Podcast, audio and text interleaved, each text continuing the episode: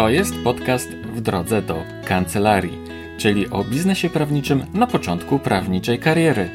Ja nazywam się Rafał Chmielewski i w tym podcaście rozmawiam z doświadczonymi prawnikami, którzy niejedną wiosnę w todze mają już za sobą.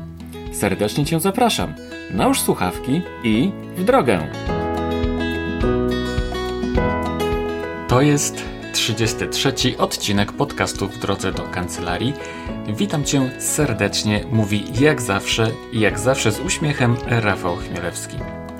Przygotowując się do montowania dzisiejszego wywiadu, zanotowałem sobie takie zdanie. Opowieść o determinacji, pracy, poświęceniu, wytrwałości i spełnianiu marzeń. Dzisiejszym moim gościem jest bowiem warszawska prawniczka, która kilkanaście lat temu podjęła decyzję o aplikacji adwokackiej, będąc już kilka dobrych lat po prawniczych studiach i mając dwójkę małych dzieci. Wykonała doprawdy tytaniczną pracę w czasach, kiedy na aplikację prawniczą dostawało się zaledwie kilka procent najlepszych kandydatów do zawodu adwokata. Praca, wytrwałość i poświęcenie spowodowały, że dziś, będąc silną kobietą, sukcesywnie rozwija swoją kancelarię w samym centrum naszej pięknej stolicy. Kim jest ta osoba? Jest to pani mecenas Katarzyna Pluta. Co mnie jeszcze szczególnie zainteresowało podczas naszej rozmowy? Był to temat obsługi klienta. Z zafascynowaniem słuchałem o tym, w jaki uporządkowany i racjonalny sposób pani mecenas realizuje stosowne procedury w tym zakresie. Z tej perspektywy nie jest niczym dziwnym to, że jej kancelaria systematycznie rośnie. Nie wiem, czy wiesz, ale ja sam uważam obsługę klienta za jeden z najważniejszych elementów rozwoju kancelarii, za jeden z najważniejszych elementów strategii marketingowej kancelarii. Bo zauważ, w zależności od tego, w jaki sposób obsługujesz swojego klienta, zależy to, jak on się czuje, a to jak on się czuje w kontakcie z Tobą, potem wpływa na to, czy on poleca Twoją kancelarię, czy chce ponownie przyjść, a zatem od obsługi klienta również zależy to, jak budowana jest marka i jak budowane jest Twoje nazwisko. Dlatego zachęcam Cię do spojrzenia na temat obsługi klienta właśnie w tym takim szerokim kontekście. Podczas wywiadu rozmawialiśmy również o zaletach prowadzenia kancelarii w formie tzw. Tak wspólnoty biurowej, o sprzedaży usług prawnych, o promocji kancelarii oraz o prawniczym blogu. Pani Katarzyna opowiadała również o tym, jaką ma radę dla początkujących prawników oraz oczywiście, jak każdy mój gość, opowiedziała o tym, co według niej warto przeczytać w kontekście rozwoju kancelarii prawnej. To wszystko zachęcam Cię do posłuchania naszej rozmowy. Dodam tylko, że jak zawsze zresztą podcast w drodze do kancelarii jest słonecznie i z radością wspierany przez Weblex. Panie i panowie, mecenas Katarzyna Pluta. Dzień dobry, Kasiu. Dzień dobry, Rafale. Witam Cię serdecznie w podcaście w drodze do kancelarii. E, to jest podcast dla początkujących prawników, dla początkujących kancelarii, dla tych wszystkich, którzy rozpoczynają swoją drogę e, zawodową. Powiedz, takie pytanie mam wstępne. E, imię i nazwisko. Katarzyna Pluta. Tytuł zawodowy? Adwokat. Od ilu lat jesteś adwokatem? Musiałam sobie policzyć no. od ilu lat, no, ale, ale już parę lat minęło i wykonuję ten zawód około 7 lat. Mhm. A gdzie prowadzisz swoją kancelarię? W Warszawie. W samym sercu Warszawy, można powiedzieć, w samym nawet. centrum Warszawy. O. Moja kancelaria mieści się w tej chwili przy ulicy Marszałkowskiej e, od kilku miesięcy, natomiast wcześniej przez wiele lat biuro kancelarii było e, na skrzyżowaniu przy e, rondzie z rotundą. E, z widokiem e, pięknym na Pałac Kultury i tym widokiem zawsze wszyscy, moi klienci się zachwycali, jak przychodzili, to pierwsze co mówili, ale ma Pani widok. Rzeczywiście e, był wspaniały, ale teraz też również na ulicę Marszałkowską, piękna secesyjną kamienicę, mam widok, też, też jest bardzo przyjemny. Czyli jeśli Twoja kancelaria jest w sercu Warszawy, a Polska jest sercem Europy, To znaczy, że masz kancelarię w sercu Europy. Na to wychodzi. Muszę powiedzieć, że, że jestem dumna z tego i bardzo się cieszę, że tak mi się w życiu ułożyło, że prowadzę e, swoją działalność zawodową właśnie w stolicy, w Warszawie.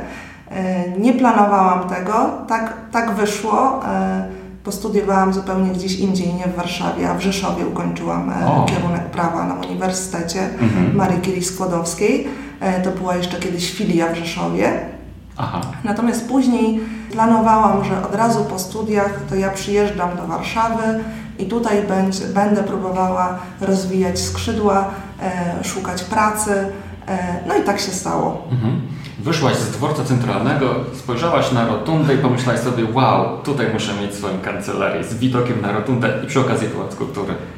Od razu po studiach to tak naprawdę nie wiedziałam jeszcze, co bym chciała robić w życiu. E, nie planowałam e, zupełnie e, pójścia na aplikację. Postanowiłam, że poszukam najpierw pracy i zobaczę, co, bym, co mi się podoba i co bym, w jakim chciała iść kierunku. I tak się ułożyło, że dopiero po kilku latach od ukończenia studiów, a tak naprawdę po ośmiu latach zdawałam na aplikację.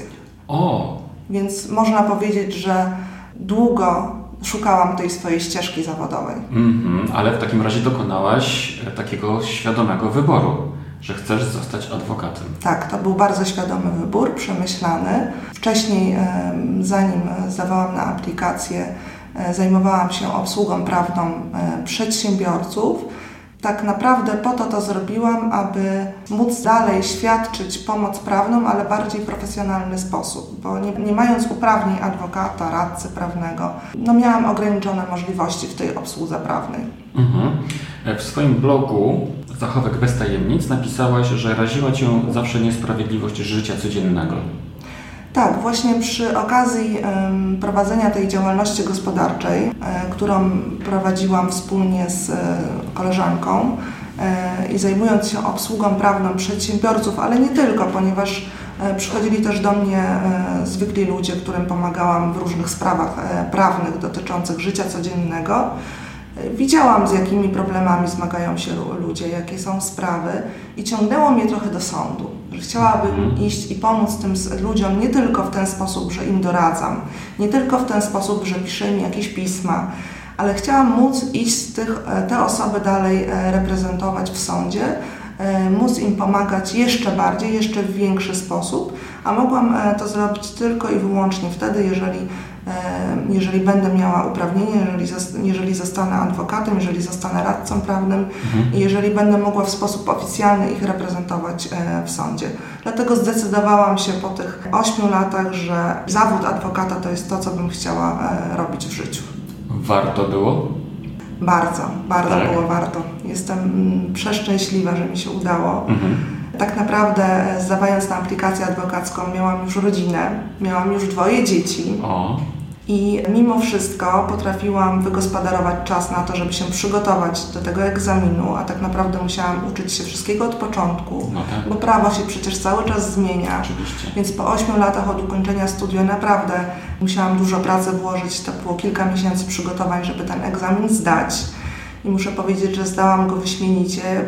W tym roczniku, w którym ja zdawałam na aplikację, tak. E, dostało się tylko 9% osób zdających. To był taki rocznik, w którym był bardzo trudny egzamin, w którym bardzo mało osób w ogóle e, zdało ten egzamin z wynikiem pozytywnym i mnie się za tym rzutem udało.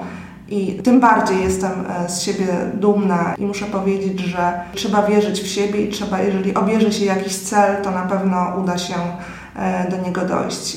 Ja nie miałam żadnego poparcia, żadnego, żadnej pomocy z zewnątrz. Nie mam w rodzinie żadnych prawników. Doszłam do, do tego wszystkiego zupełnie sama. No, absolutnie fantastyczne, powiem Ci szczerze, naprawdę. Bo to Cię bez wątpienia kosztowało mnóstwo pracy, mnóstwo energii, poświęcenia, czasu.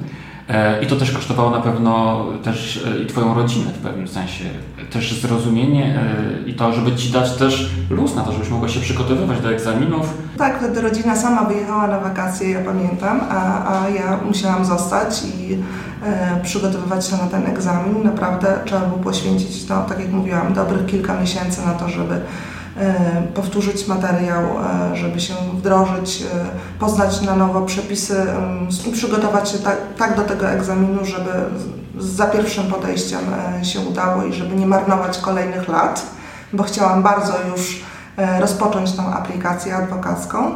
I tak, tak się stało. No, aplikację e, ukończyłam, zdałam egzamin e, zawodowy i e, niemalże z marszu zostałam adwokatem.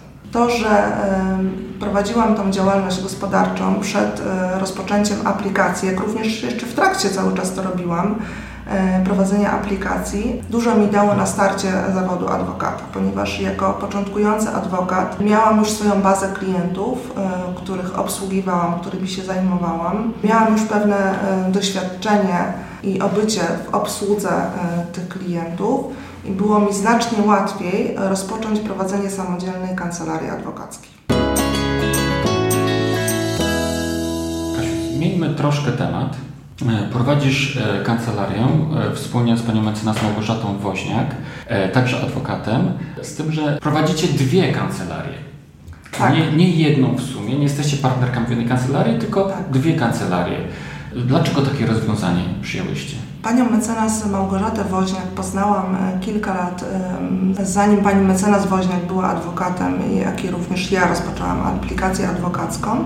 Poznałyśmy się pracując w firmie i był to taki nasz początek znajomości, ale, ale również taki początek e, przygody związanej z prowadzeniem własnej firmy, ponieważ wspólnie wpadłyśmy na pomysł, że rozpoczniemy prowadzenie działalności gospodarczej polegającej na obsłudze prawnej podmiotów gospodarczych. Ja miałam zaplecze biurowe, już e, tutaj miałam taką możliwość, że mogłam w samym centrum właśnie podnająć pokój na prowadzenie takiej działalności gospodarczej, więc nie musiałyśmy mieć jakiegoś dużego wkładu finansowego, aby to zrobić, a tak naprawdę naszym mm, wkładem to była nasza wiedza i nasza motywacja i nasza chęć prowadzenia takiej działalności gospodarczej, więc niewiele trzeba było tak naprawdę e, trudu podjąć, żeby to zrobić. I zdecydowałyśmy się z mm, Małgorzatą Woźniak na prowadzenie spółki, która właśnie polegała na obsłudze prawnej przedsiębiorców w głównej mierze, ale również e, osób fizycznych. I w ten sposób poznałyśmy się e, prowadząc firmę, to również rozwinęło się w tym kierunku, że, że przyjaźnimy się również na stopie prywatnej. I później jako pierwsza na aplikację adwokacką zdawała mecenas Woźniak, ja, mhm. ja rok później. I są to w tej chwili dwie osobne kancelarie adwokackie z tego względu, że właśnie mecenas Woźniak jako pierwsza rozpoczęła prowadzenie kancelarii adwokackiej, bo jako pierwsza miała uprawnienia adwokackie, e, ja jako druga. I, I tak już zostało. No, nigdy nie zdecydowałyśmy się, nie podjęłyśmy tego kroku, żeby założyć jakąś spółkę e, z formalnego punktu widzenia, która by nas połączyła e, w, w spółkę partnerską czy czy wspólną działalność, wspólną kancelarię. Mm, mamy wspólnotę biurową, ale każda z nas prowadzi własną mm, kancelarię adwokacką. Mhm. Taka forma współpracy na pewno powoduje to, że macie niższe koszty niż gdybyście obydwie musiały zatrudniać sekretarki, wynajmować osobne lokale itd. Tak A czy są jeszcze jakieś inne zalety? tego jest rodzaju bardzo, Jest bardzo dużo zalet. Oczywiście te, o których wspomniałeś, czyli wspólne dzielenie różnego rodzaju kosztów, to, jest, to już jest bardzo dużo. W głównej mierze i e, najważniejsze jest to, że możemy wzajemnie się wspierać. Możemy wzajemnie sobie pomagać w różnego rodzaju trudnych sprawach. Możemy razem współpracować przy jednej sprawie.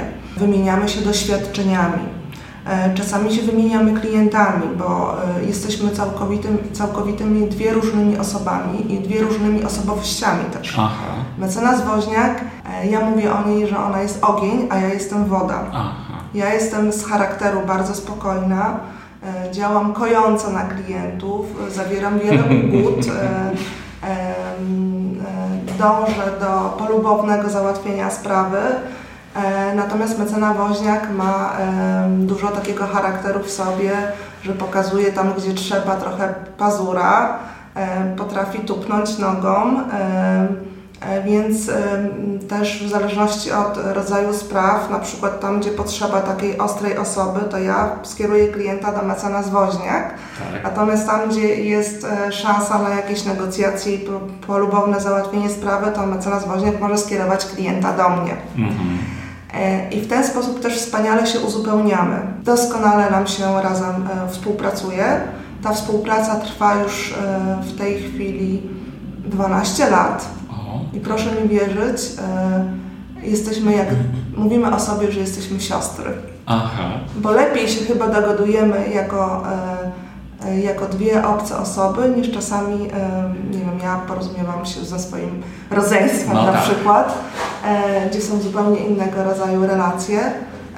Naprawdę, przyjaźnimy się, spotykamy się na stopie prywatnej, wyjeżdżamy wspólnie, i doskonale nam się to też przenosi na naszą pracę i na nasze relacje e, w kancelarii. Mhm.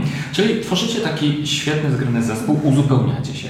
Tak. Tam, gdzie ty masz braki, to twoja wspólniczka, w cudzysłowie mówiąc, ma, e, albo ty tu, gdzie masz, no, ma zalety, tak? I, tak. i, i odwrotnie. Jest, wiesz co, jest takie mm, znane, może nie wiem, znane czy nieznane ćwiczenie. Pyta się ludzi, jak sobie wyobrażają e, najbardziej efektywnego koszykarza? I wszyscy mówią, że musi być wysoki, musi świetnie rzucać do kosza. Nie? Niektórzy mówią, że musi być czarny, na przykład znaczy czarnoskóry i tak dalej. I nagle się okazuje, że zespół zbudowany z takich koszykarzy jest najgorszym zespołem koszykarskim, jakie tylko może być. Nie? A najlepsze zespoły koszykarskie są właśnie takie, gdzie jest jeden wysoki, który się E, który świetnie rzuca, czasami może po prostu piłkę w, w, e, włożyć do kosza, nie musi jej wyrzucać, ale on potrzebuje kogoś takiego małego, który będzie sprytnie biegał po całym korcie i tak dalej, w tym boisku. Tak samo właśnie powinno być w zespole i u Was tak właśnie jest. Kiedy Ty masz takie cechy, a Twoja wspólniczka ma inne cechy i razem się uzupełniacie. Razem stanowicie świetny zespół, który ma wszystkie te cechy, które są potrzebne. Dokładnie. Tam czasami, gdzie ja czegoś nie dostrzegę, dostrzeżę to mecenas woźniak. No właśnie. I na odwrót. Więc jest to naprawdę e, bardzo fajna forma współpracy. E, myślę, że prowadzenie e, kancelarii, wynajmowanie lokalu, zwłaszcza w Warszawie, gdzie wiadomo, że są ceny wyższe, koszty prowadzenia takiej działalności są na pewno dużo wyższe może niż w innych mniejszych miejscowościach, dla jednej osoby jest ciężkie do podołania w ogóle prowadzenie firmy, bo wiąże się to przecież z różnego rodzaju, również innymi czynnościami, nie tylko przecież doradzamy klientom, ale różne czynności administracyjne, całe, zapewnienie całego zaplecza. E, my borykamy się tutaj z mecenas Woźniak, czasami się śmieje, że mamy różnego rodzaju problemy techniczne, z którymi sobie słabo radzimy. E, nie wiem, spali nam się świetlówka, którą ktoś musi wymienić. Już potrzebujemy jakiejś męskiej ręki do tego. Zawsze mnie możesz zawołać w razie czego. Nie mam daleko. Więc e, każda z nas na swój sposób sobie z takimi problemami e, jak, w jakiś sposób radzi. Łatwo jest przejść przez takie, tego typu problemy, mając tą drugą osobę obok siebie, tak że wiem, że mogę na kogoś liczyć. Jak ja nie mam czasu czegoś załatwić, to mówię, Gośka, ty to załatwiasz, ja, ja się tym nie zajmuję, tak? Mhm. I, I w ten sposób właśnie e, działam. Mhm. Wiesz, e, kiedy spotykam się z początkującymi prawnikami, to oni właśnie mówią o tych dużych kosztach i tak dalej, nie? To zawsze im radzę. Połączcie się, tak? Nie musicie właśnie od razu tworzyć spółek i nie wiadomo czego, po prostu zacznijcie razem współpracować, bo przynajmniej po pierwsze będziecie mieli niskie koszty, z drugiej strony będziecie mogli się wspierać. Ma to sens? Ma, ma, bardzo, bardzo to ma mhm. duże znaczenie. Kasiu, opowiedz, jak promujesz swoją kancelarię? No, jako adwokat nie mam dużo, dużych możliwości promowania swojej kancelarii. Czasami klienci dziwią się, że proponują mi na przykład różnego rodzaju formy reklamy. E, nawet ostatnio w zeszłym tygodniu miałam takiego pana, żebym dała e, mu swoje ulotki, to on je po, e, roznosi po sklepach, e, po polskich sklepach w Ontario, w Kanadzie. Mówię, no bardzo fajny, bardzo fajny pomysł, mówię, doceniam, ale niestety nie mogę się w ten sposób reklamować. Pan był bardzo zdziwiony. W czasach, w czasach obecnych e, większość klientów, których do mnie trafia, to są klienci, którzy znaleźli mnie e, w internecie. Więc stawiam na to, abym była widoczna w tym internecie. Nawet ostatnio udało mi się stworzyć zupełnie nową stronę internetową. Trochę ją zmodyfikowałam, przerobiłam też na wersję mobilną, bo, bo tego nie miałam, a jednak teraz mam taką informację, że w większości strony są otwierane jednak w telefonach komórkowych, w tabletach E, więc dbam o to, aby ta strona była e, funkcjonalna, żeby się dobrze wyświetlała, żeby e, w wynikach Google, jak ktoś mi wpisze, żeby ta strona wyświetlała się w jakichś tam pierwszych pozycjach. Rozmawiam z klientami, których sprawy kończę, zwłaszcza te sprawy, które się pozytywnie skończyły i proszę o to, aby mi polecali. Rozdwaję swoje wizytówki, przypominam się, zaznaczam, że jeżeli będą mieli wśród swoich znajomych e, jakieś osoby, które potrzebują pomocy prawnej, to że proszę mi polecać, proszę przekazywać mój e, numer telefonu i to działa. Gro klientów e, przychodzi do mnie również z polecenia. Z polecenia. Mhm. Proszę też klientów o to, aby pisali mi opinie w internecie, ponieważ mam również takie sygnały, że przychodzi do mnie klient i mówi: Przeczytałam o Pani, że jest Pani dobra. Więc klienci czytają te opinie naprawdę. Nie tylko wybierają adwokata w ten sposób, która strona im się pierwsza wyświetli, ale e, szukają informacji na temat tego adwokata. Szukają potwierdzenia. Szukają potwierdzenia, tak. Czyli proszę klientów o to, aby pisali mi opinie, ale również weryfikuję to, co znajduje się w internecie o mnie i dbam o to, aby e, nie pojawiały się jakieś fałszywe informacje czasami bo też e, tak. z takimi się spotykałam. No, konkurencja wiadomo. Tak, konkurencja nie śpi. Biorę udział w programach telewizyjnych. Jest no to właśnie. też e, jakaś forma promocji mojej osoby. Nawiązałam współpracę z Polsatem i od czasu do czasu jestem zapraszana do programu Interwencja. E, to są programy nagrywane tutaj u mnie w kancelarii takie wypowiedzi do e, trudnych e, spraw. E, I tutaj przychodzi ekipa Polsatu. Przychodzi do mnie ekipa tak, Polsatu. Siedzisz za biurkiem i... Tak, to mniej więcej tak wygląda jak, jak teraz z Tobą rozmawiam, okay. tylko że jest dwóch panów, które obsługuje kamerę, okay. padają jakieś światła tutaj na mnie i, i e, pani redaktor zadaje mi pytania, ja na nie odpowiadam i potem to jest emitowane, zazwyczaj jest jakąś dwu, trzydniowym opóźnieniem, jest emisja tego programu e, i to się nazywa interwencja o godzinie 16.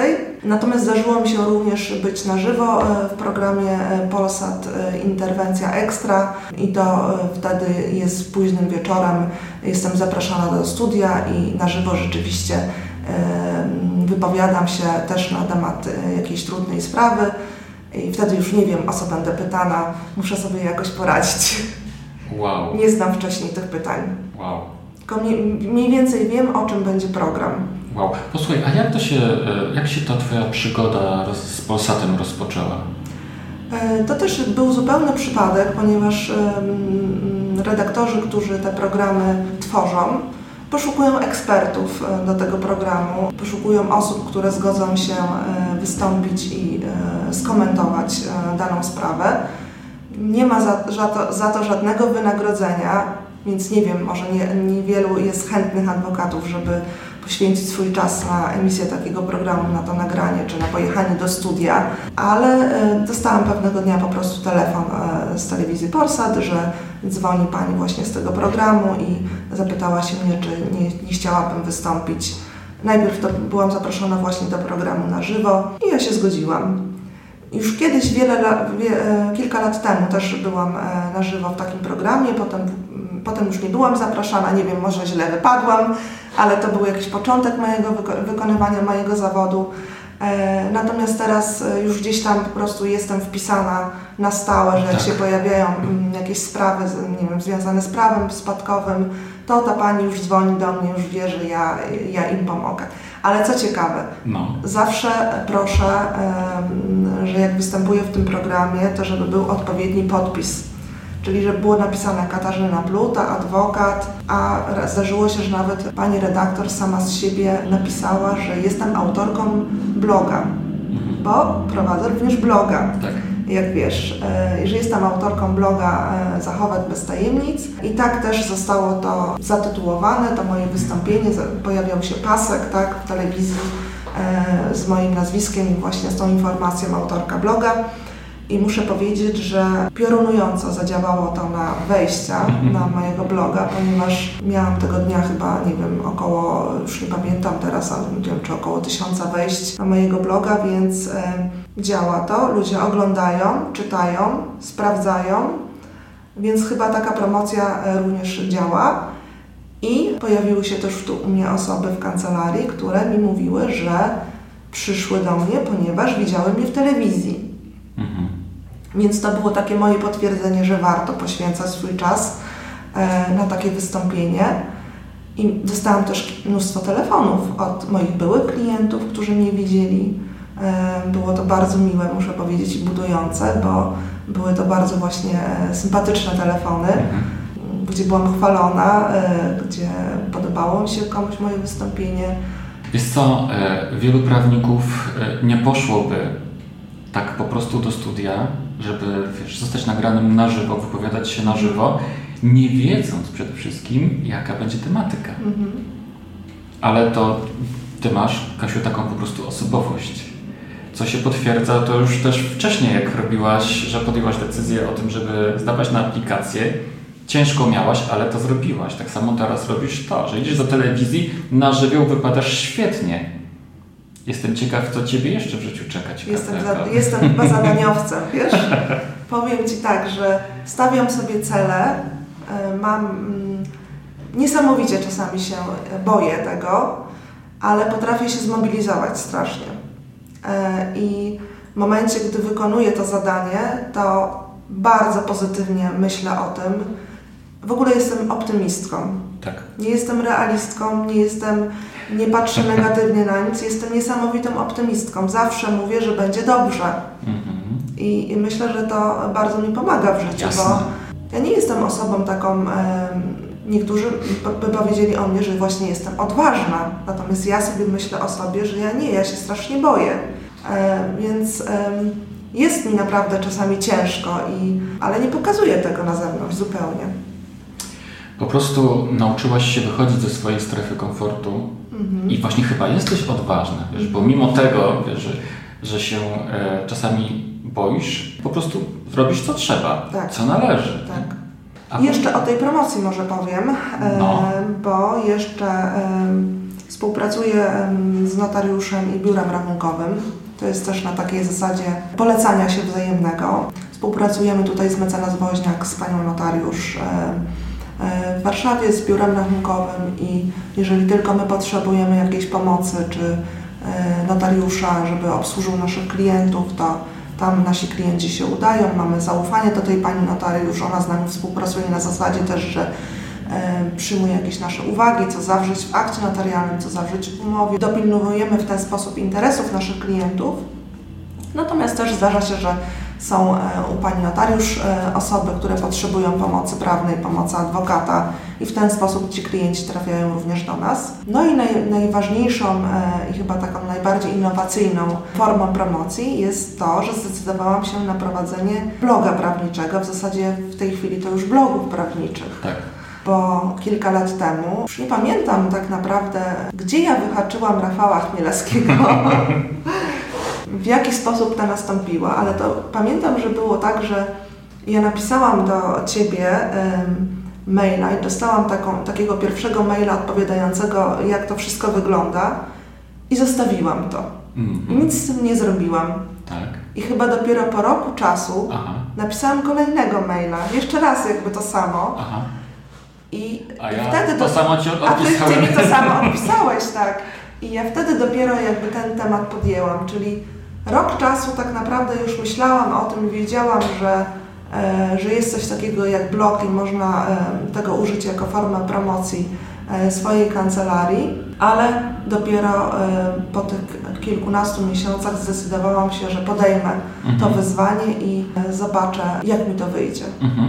Kasiu, do tych blogów to wrócimy Mhm. jeszcze potem, Dobrze. pozwól. Natomiast chciałbym Ci teraz takie pytanie zadać. Masz też klientów właśnie z polecenia, ponieważ prosisz swoich obecnych klientów o to, żeby opowiadali o Tobie. Tak nawiasem e, mówiąc, to mało prawników w ogóle prosi o polecenia. Mhm. A Ty to robisz. Ale powiedz mi, co jeszcze powoduje według Ciebie to, że w ogóle klienci chcą z polecenia przychodzić? No bo wiesz, yy, będąc klientem kancelarii prawnej mogę skorzystać z usługi i pomyśleć sobie, nie, to, to, to ja już raczej nie będę polecał. Ale twoi klienci ciebie polecają. Jak myślisz, co, co jest ważne w tym, co ty musisz zrobić, żeby oni chcieli cię polecać? Myślę, że cały proces obsługi klienta ma na to potem wpływ i, no i również końcowy efekt, który nie zawsze jest taki, jakby, jakbyśmy chcieli. No niestety e, tak. są sprawy, które e, wygrywam, ale są też takie sprawy, które nie układają się do końca po myśli klienta. Chociaż ja staram się naprawdę bardzo uczciwie pochodzić do, mm, każdej, do każdej sprawy i do i informuję o tym klienta, jak ja widzę tą sprawę, jak e, uważam, że ona się może zakończyć. E, staram się nie, e, nie, nie dawać jakichś takich płonnych też nadziei i rzetelnie informować o tym, jaki mo może być wynik sprawy, po to, żeby potem właśnie nie było do mnie jakichś takich żali czy pretensji, że ja coś źle zrobiłam. No bo oczywiście są, są takie sprawy, które których czasami nie udaje się załatwić dobrze i może pozostać czasem taki u mojego klienta, który, e, który powierzył mi tą sprawę, e, może być pewne nawet niezadowolenie, ale już na to nie mam wpływu. Natomiast mimo to staram się przede wszystkim o to, aby cały ten proces obsługi był taki, żeby ten klient czuł, że ja się jego sprawą zajmuję, żeby czuł się zaopiekowany. Czyli ważny jest od samego początku kontakt z klientem. Czyli uważam, że klient musi być informowany, tak jak idziemy do lekarza. E, bardzo nie lubię takiej wizyty lekarskiej, gdzie lekarz mi nic kompletnie nie mówi, a najczęściej to tak wygląda. I ja sobie to trochę tak przekładam na, e, na to, w jaki sposób ja obsługuję klientów. Może dlatego jestem taka niezadowolona, jak idę do lekarza. Wiesz, lekarze nie mają konkurencji ich jest po prostu za mało. Chyba, chyba powinni tak przechodzić jako, jak, jakieś kursy obsługi y, pacjenta, no, naprawdę. Absolutnie, tak, zdecydowanie. Bo, bo jak przychodzi do mnie klient y, który, i powierza mi sprawę, to ja od początku mu mówię, w jaki sposób będzie wyglądał proces prowadzenia jego sprawy. Od samego początku, czyli od udzielenia pełnomocnictwa. Przede wszystkim dbam o to, żeby informować klienta na bieżąco o tym, co się dzieje w jego sprawie. Niestety nasze sądy działają tak, że czasami jest wiele miesięcy ciszy, nic się nie dzieje. To mimo wszystko staram się od czasu do czasu do tego klienta zadzwonić. Nawet jak nie mam dla niego żadnej informacji, to chociaż go poinformuję o tym, że ja jego sprawą się cały czas zajmuję. Poinformuję go, że na przykład jeszcze akta są u sędziego, nie mamy wyznaczonego terminu, żeby on wiedział, że ja o nim pamiętam. Jeżeli przyjdzie jakakolwiek informacja z sądu, ja natychmiast tą informację przesyłam, zazwyczaj drogą mailową. Skanuję pismo, wysyłam, przyszło to i to, informuję Pana, że teraz robimy to i to. E, jeżeli klient nie ma maila, to nie wiem, to dzwonię do niego, tak? Czyli staram się, żeby ten klient miał poczucie, że zajmuje się jego sprawą. Myślę, że to jest bardzo ważne, od samego początku do końca. Staram się też o taką um, dobrą relację z klientem, czyli żeby żeby z nim o czymś porozmawiać, niekoniecznie na temat e, danej sprawy. Oczywiście bez jakiegoś zbytniego spoufalania się i wchodzenia w jakieś prywatne e, tematy, bo to uważam nie służy, nie, skracanie dystansu nie jest dobre, ale czasami porozmawianie tak na luzie o, o zupełnie czymś innym też, też bardzo do, dobrze robi, bo można dać siebie poznać jako innego człowieka niż tylko adwokat zajmujący się moją sprawą i tak samo poznać tą drugą osobę wiedzieć, nie wiem, jakie ma dobre strony, jakie, jakie, e, jakie e, wady, jakie zalety e, i w ten sposób też jakoś to potem wykorzystywać tak na plus w jakiejś tej relacji z klientem. Staram się chodzić osobiście na większość spraw. Nie wysyłam substytutów bardzo rzadko, jak już muszę albo jak są to sprawy mniejszego kalibru, nie wymagające może mojego zaangażowania, ale zawsze uprzedzam o tym klienta, że to nie będę ja, że będzie na przykład moja aplikantka, z którą współpracuję, która zna Pana sprawę. Bardzo rzadko, sporadycznie wysyłam osobę na sprawę, która ze mną nie współpracuje albo która jest, no nie wiem, z ogłoszenia czy, czy z ulicy. Nie, nie, raczej nie praktykuję tego. Naprawdę musiałabym mieć jakiś nóż na gardle, żeby to się stało. Zdarzają się kolizje, owszem, yy, muszę czasami wybrać, na którą sprawę iść ale też no, muszę w jakiś sposób dobrze to klientowi uzasadnić, uargumentować. Myślę, że znajduję to w większości spraw zrozumienie, jeżeli już się zdarzy. Także dbam o to, żeby klient, nawet jeżeli taka sytuacja się zdarzy, że ja nie idę na jakąś sprawę, no to już żeby następne, na następnej ja była. Więc cały czas dbam o to, aby mieć bezpośredni, osobisty kontakt z klientem. To ja się z nim kontaktuję, nikt za mnie tego nie robi, nie robi za mnie tego moja aplikantka, nie robi za mnie tego, nie wiem, jakaś sekretarka, tylko ja osobiście zawsze czuwam nad każdą sprawą. Jakoś to ogarniam, udaje mi się. No właśnie, wiesz, bo chciałem Ciebie zapytać, Kasiu, mhm. y, to wszystko wymaga mnóstwo czasu. Mhm. Więc Ty ten czas musisz na to poświęcać. Tak, mam, mam, mam aplikantkę, którą zatrudniam, która jest ze mną na stałe. To jest mój pracownik. Jest zatrudniona na cały etat i to jest dla mnie bardzo duża pomoc i w sumie nie wyobrażam sobie, gdybym miała zajmować się wszystkimi swoimi sprawami bez takiej osoby, dlatego że no, chyba bym nie dała rady, bo no właśnie. ja nie pracuję 24 godziny na dobę. Muszę mieć czas też dla rodziny, na prowadzenie domu, więc ta moja aplikantka w dużej mierze, w, dużo, w wielu sprawach mi wyręcza, ale tak pomaga mi dużo pisać, załatwiać takie drobne sprawy, cała jakaś korespondencja, to wszystko do mnie trafia już na biurko. Mam bardzo fajną y, aplikantkę, panią Ewelinę, pozdrawiam, y, także bardzo dobrze się dogadujemy, bardzo ją lubię i, i szanuję za to, za to, że mi tak pomaga, bo czasami mam dwie sprawy dziennie, czasami trzy, czasami nie mam w ogóle, ale spotykam się wtedy z klientami. To są nie tylko nowi klienci, ale również ci, których prowadzę sprawy. To też wymaga e, nie tylko to jest kontakt telefoniczny i mailowy, ale również e, musimy się od czasu do czasu spotkać. Więc ja wtedy nie mam czasu, żeby zajmować się tymi nowymi sprawami, bo odpisywać na maile, a trzeba to robić też w miarę na bieżąco, żeby skupić się na przygotowaniu jakiegoś pisma, więc moja aplikantka przygotowuje mi projekt pisma, ja jej daję sprawę, daję jej swoje uwagi, co ma być w tym piśmie, a potem sobie tylko to ewentualnie poprawiam. Więc to już mi e, dużo e, ułatwia i pomaga, więc nie wyobrażam sobie, gdybym nie miała takiej pomocy, bo byłoby mi bardzo trudno. Musiałabym wtedy kosztem mhm. swojego czasu prywatnego e, robić te rzeczy, a nie chcę w ten sposób pracować. Chcę mieć komfort taki, że mam czas na wszystko. Mhm. A zdarzają Ci się klienci spoza Warszawy? Ze Szczecina, Krakowa, z nie wiem. Jak mówisz Szczecin, to się uśmiecham. No. Generalnie staram się e, nie brać spraw, które wymagają podróżowania. A czasem zdarzają się tacy klienci, którzy mówią, ja sobie nie wyobrażam, że to mógłby być ktoś inny, proszę przyjechać. Tak? Zdarzają no. się i zdarza się, że biorę taką sprawę. Aha.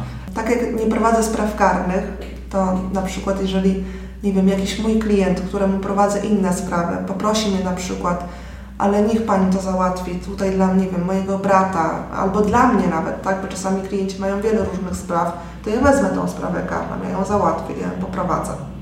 Czyli mamy gdzieś tam jakiś taki odsetek malutki spraw tak. karnych, e, którymi się zajmuję, ale generalnie e, nie reklamuję się, nie promuję się, że prowadzę sprawy karne.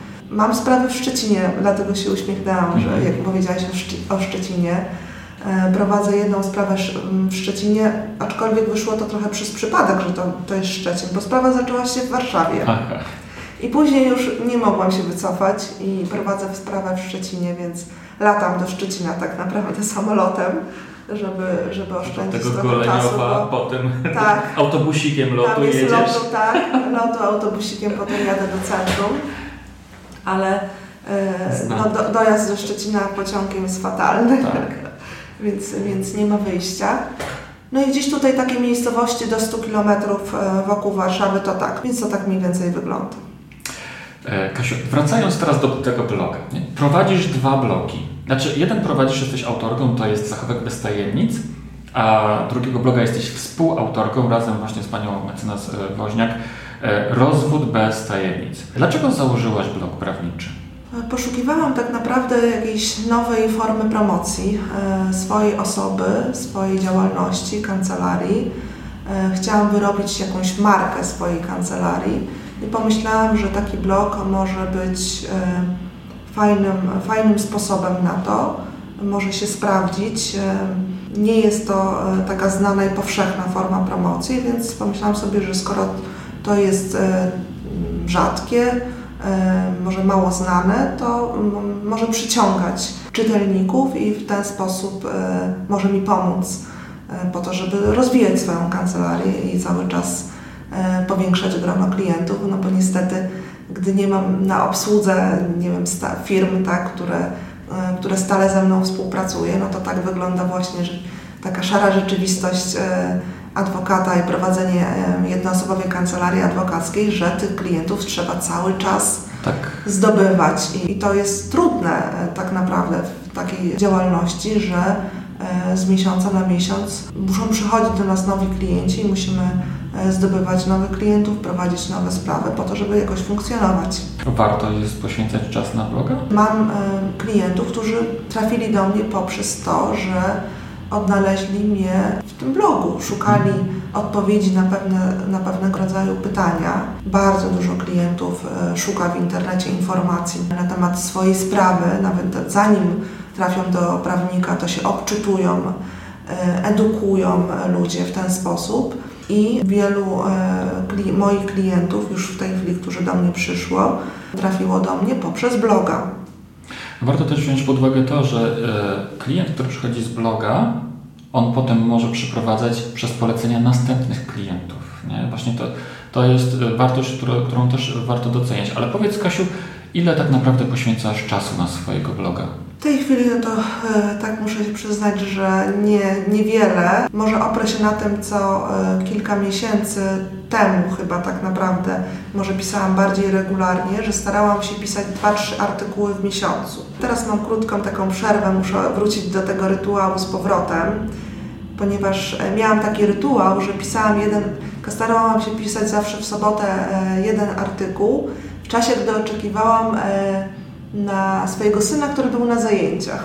Aha. Ja go woziłam na zajęcia, brałam laptopa, kupowałam sobie kawę, miałam półtorej godziny i pisałam artykuł. No. Ale jak on przestał chodzić na te zajęcia, to ja przestałam pisać artykuły. I ciężko mi jest trochę teraz e, znaleźć czas na to. Myślę cały czas o tym, mam jakieś już pomysły na kolejne e, artykuły, ale co jest e, fajne w blogu, na moim blogu nie wiem ile jest teraz artykułów, bo nie, nie liczyłam tego, e, że mimo, że ja nie piszę, to cały czas mam jakiś taki stały ruch na tym, e, na tym blogu i się pocieszam tym, że cały czas jestem wyszukiwana, tak? I cały czas ktoś czyta to, co już napisałam i to jest, i to nie zginęło.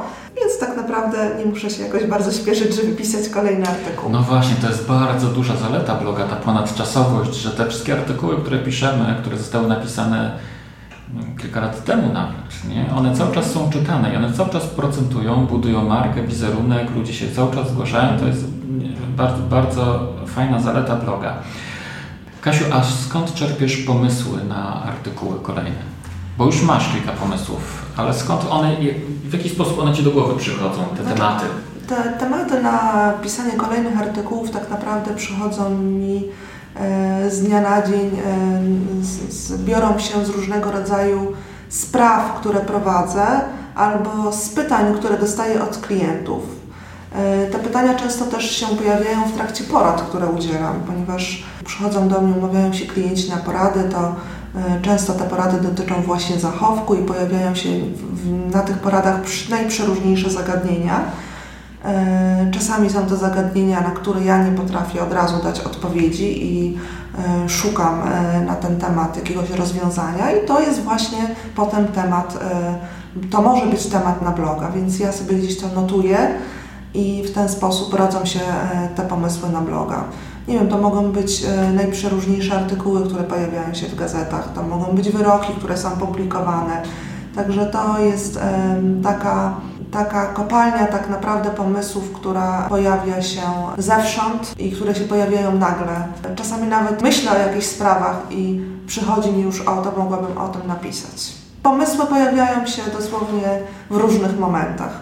Tak jak mówiła Aneta Kułakowska czasami, że on, jej się pojawiają pomysły, jak ona, nie wiem, chyba ćwiczy, mówiła coś takiego, to ja muszę powiedzieć, że ja też y, dużo uprawiam sportu i czasami też mi pojawiają się takie pomysły, jak chodzę na bieżni, na bieżnik na przykład. E, przypomnijmy, że Aneta Kułakowska występowała w pierwszym odcinku podcastu Drodze do Kancelarii.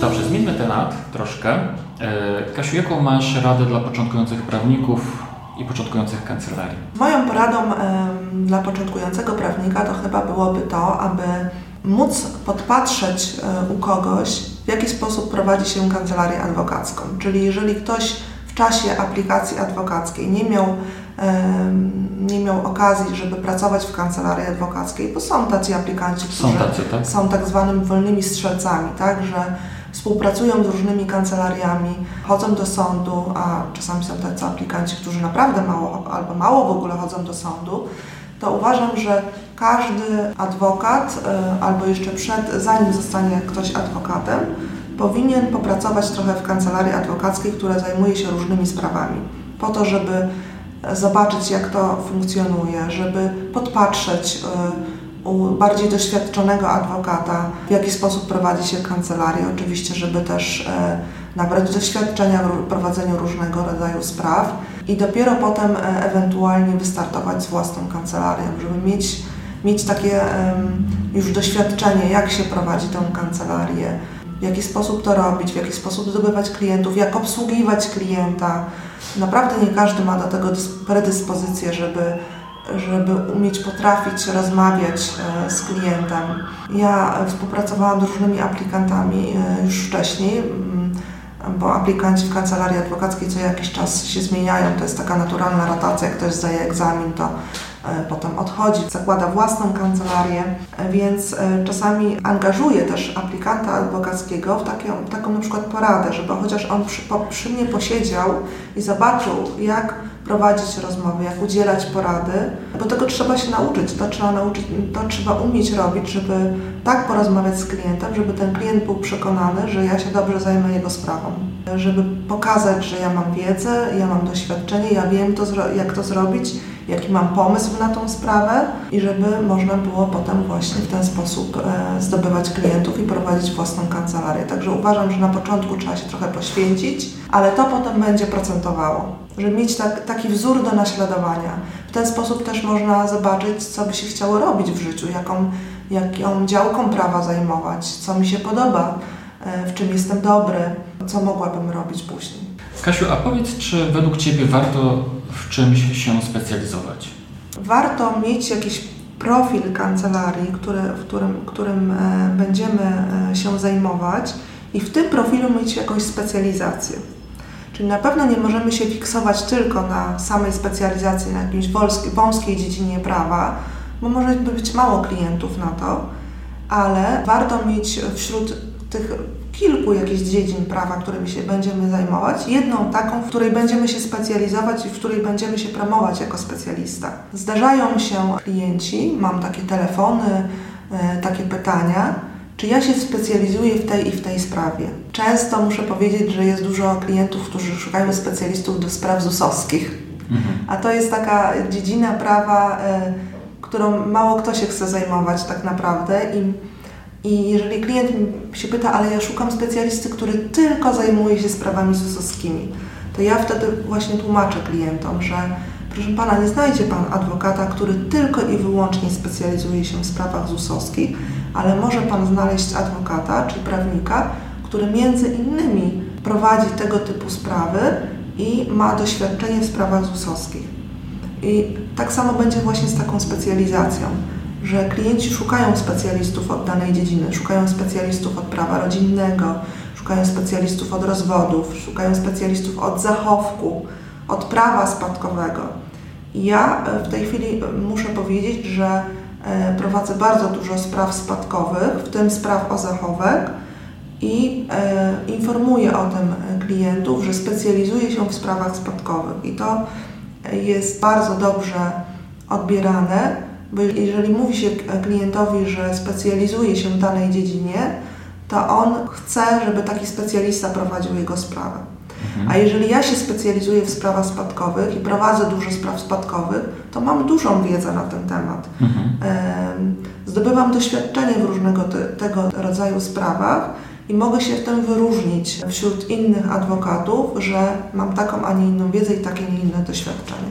Mhm. I to pomaga. Pomaga e, w rozwoju kancelarii przyciąga klientów. I ja się też w tym dobrze czuję, bo jeżeli udzielam porady w danej dziedzinie i mogę od razu na gorąco dużo powiedzieć na temat danej sprawy, to na pewno też to e, robi duże wrażenie na, na kliencie i on e, chce, żebym prowadziła jego sprawę. Mhm.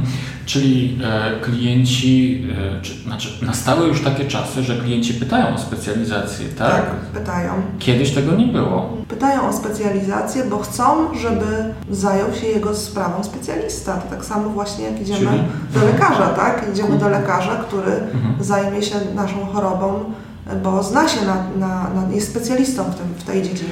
Czyli kultura prawna w naszym społeczeństwie się rozwija i rośnie dzięki blogom prawniczym, między innymi. Tak, tak.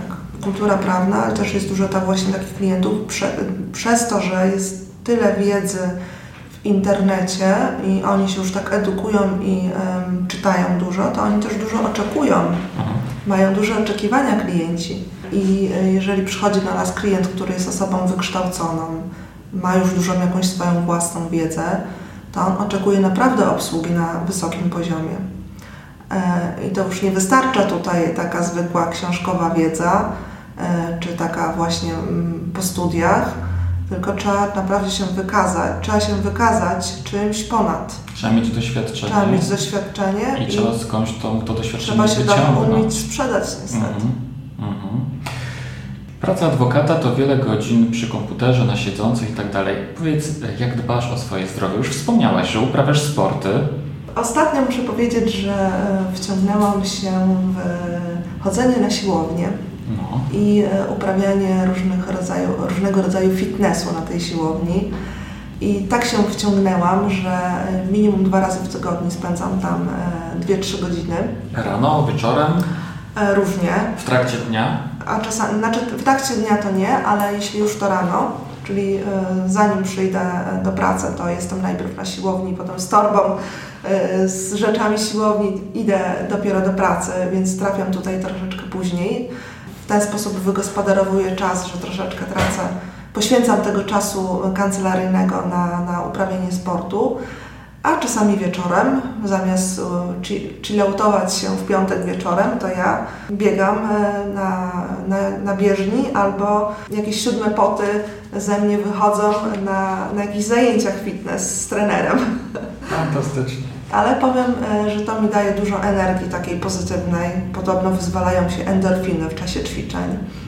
I, I chyba się uzależniłam trochę od tych ćwiczeń, bo e, w tej chwili już sobie nie wyobrażam, żeby, żeby nie iść na tą siłownię dwa razy w tygodniu i nie ćwiczyć. Mhm.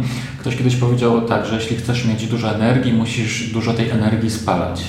Tak, i to, to muszę powiedzieć, że się sprawdza doskonale, naprawdę. Ja ja czuję się jak nowonarodzona po tych ćwiczeniach. Szybko się regeneruję, nawet jak się rano bardzo zmęczę, to ja potem mam dużo siły i energii przez cały dzień. Mhm. Pracuję ze zdwojoną mocą. Kasiu, a powiedz, czy korzystasz z jakichś takich narzędzi, które usprawniają Ci pracę w kancelarii? Nie, nie. Tutaj muszę powiedzieć, że, e, że tylko opieram się na kalendarzu papierowym. Nie mam żadnych programów e, komputerowych, które by mi e, cokolwiek usprawniały. To jest tylko tak, taka komunikacja właśnie z moją aplikantką, która mnie wspiera w tych codziennych obowiązkach i e, notowanie tylko w kalendarzu terminów bieżących, spraw do załatwiania, terminowych jakichś kwestii związanych z tym, co musimy złożyć w sądzie. I to na razie mi jakoś dobrze działa. Mam wrażenie, że gdybym sobie wprowadziła jakieś narzędzie, E, bardziej nowoczesne, to chyba bym sobie utrudniła. Nie wiem. Nie spróbowałam i może dlatego mam takie, może to jest błędne mniemanie, ale, a na, ale na razie jest mi tak dobrze, jak mam. Mhm. E, wiesz, e, ja też nie korzystam z żadnego takiego narzędzia, tak? Jeszcze do niedawna było tak, że jechałem gdzieś do jakiegoś miasta, żeby spotkać się z różnymi prawnikami w różnych kancelariach, to miałem na kartce papieru napisane adresy, gdzie ja mogę, gdzie ja powinien adres i jeszcze drogę, wiesz, jakie ulicę muszę przejść, żeby tak, no jestem absolutnie, wiesz, XIX-wieczny pod tym względem. E, powiedz, jakie e, lektury, jakie książki według Ciebie każdy prawnik powinien przeczytać? To jest trudne pytanie, bo jest wiele książek, które mogłabym polecić. W ogóle jestem molem książkowym. Muszę powiedzieć, że uwielbiam czytać. I to jest też e, taka forma dla mnie odpoczynku, jeżeli mogę poświęcić trochę czasu na czytanie. Czytam w pociągu, jak jadę do pracy, mm, jak mam tylko jakieś wolne, jak jestem na jakimś wyjeździe, to zawsze zabieram ze sobą dwie, trzy książki, bo wtedy w ogóle nadrabiam zaległości książkowe. Jest taka jedna e, lektura, która, którą mogłabym poświęcić początkującym prawnikom. Nie wiem, czy słyszałeś o takiej książce, tytuł Cię może trochę zmylić, Adwokat Diabła. Znaczy, znam taki film. No właśnie, no. film jest znany wszystkim, bardzo fajny zresztą. Jest też taka książka, która ma taki sam tytuł, tytuł Adwokat Diabła. No. To jest książka napisana przez brytyjskiego prawnika Lejna Morleya. I to jest e, taki poradnik, który mówi o tym, jak wygrywać w sądzie. Aha. Sztuka wygrywania w sądzie. Autor jest e, prawnikiem z kilkunastoletnim doświadczeniem i e, w tym poradniku znajdziemy różnego rodzaju porady, e, jak prowadzić sprawy sądowe, jak przesłuchiwać świadków, co robić, żeby wygrać sprawę, jak przemawiać w sądzie. Właśnie są takie porady, żeby mówić prostym językiem, żeby mówić zwięźle, nie używać jakiegoś żargonu prawniczego, jakichś frazesów, jakichś barokowych mów. I ta książka została przetłumaczona. Wydawcą tej książki w Polsce jest też prawnik. E, to jest pan Piotr Staroń, który jest partnerem zarządzającym w kancelarii Staroń e, Partner Spółka Kapitałowa. On tą książkę przetłumaczył i wydał e, tutaj w Polsce i dzięki temu możemy sobie poznać takie mhm. właśnie różnego rodzaju porady przez prawnika brytyjskiego. Być może nie wszystkie ma, mogą mieć przełożenie no na, właśnie, chciałem o to zapytać. Tak, przecież, na, no. na, tutaj na nasz, nasz system E, prawny, ale myślę, że z wielu może taki początkujący prawnik skorzystać. Taka ciekawostka, prawda? Fajny tytuł, Adwokat Diabła, od razu nam się kojarzy tak. E, z filmem Adwokatem Diabła, ale, ale to jest książka i zupełnie inna. Mhm. Warto przeczytać bez wątpienia. Kasiu, e, mam takie następne pytanie, co lubisz robić, kiedy nie pracujesz, ale wiem, że tak, że lubisz uprawiać sport, lubisz czytać i tak jak jeśli e, dwa razy w tygodniu uprawiasz sport przez trzy godziny, E, dwa razy przez trzy godziny, dużo czytasz, dużo poświęcasz czasu na pracę i tak dalej, to prawdę mówiąc zastanawiam się, kiedy ty masz, jak ty się mieścisz w tych 24 godzinach, ale powiedz mi jeszcze, czy jeszcze jest coś takiego, co lubisz robić, kiedy nie pracujesz? No to jeszcze jednej rzeczy o mnie nie wiesz, ja lubię podróżować. Aha, czyli to już w wakacje. Tak, znaczy nie tylko w wakacje. A, okay. W ogóle jestem e, takim typem osoby, że jak tylko E, gdzieś można wykroić e, parę dni wolnego. Wakacje to dla mnie za mało. Wakacje to absolutnie raz w roku, nie, ja muszę więcej razy. No. To planuję sobie różnego rodzaju wyjazdy i, i właśnie to są też takie moje marzenia, żeby, żeby miała sposobność i możliwość podróżowania. Mam różnego rodzaju plany, kraje, które bym chciała odwiedzić i powoli gdzieś tam staram się realizować te plany. Na przykład za parę miesięcy z mecenas Woźniak lecimy do Rzymu na weekend. Mhm Niedawno byłyśmy e, gdzieś tutaj na jakimś weekendzie w hotelu w Polsce, mhm. więc jak tylko jest taka możliwość, to e, lubię wyjeżdżać, lubię, lubię podróżować. Bardzo mnie to relaksuje i odpręża i też daje takie, taką właśnie odskocznię od, od codzienności. A takie marzenia zawodowe, albo plany może bardziej zawodowe, chciałabyś bardziej rozwijać swoją kancelarię? No w tej chwili właśnie niedawno zmieniłam lokalizację. Mamy dużo większy lokal, biuro i większe możliwości, żeby przerabiać tak, więcej spraw i obsługiwać więcej klientów, więc dążymy do tego tutaj z panią mecenas Woźniak, e, żeby nam się kancelaria rozwijała, żeby e, zdobywać nowych klientów, ale też e, ponieważ ja wcześniej obsługiwałam wielu przedsiębiorców, to w tej chwili trochę z panią mecenas Woźniak myślimy o tym, żeby wrócić do tego, żeby zacząć obsługiwać również e, firmy, ale to nie chodzi o e, sprawy sądowe, tylko bardziej taka obsługa bieżąca spółek. Ja mam duże doświadczenie w zakładaniu spółek, obsłudze, zakładaniu fundacji, stowarzyszeń, wszystkiego, co wiąże się w ogóle z Krajowym Rejestrem Sądowym. Kasiu, tego wszystkiego Ci życzę. Bardzo Ci dziękuję za pasjonującą rozmowę. Dziękuję. Dziękuję bardzo.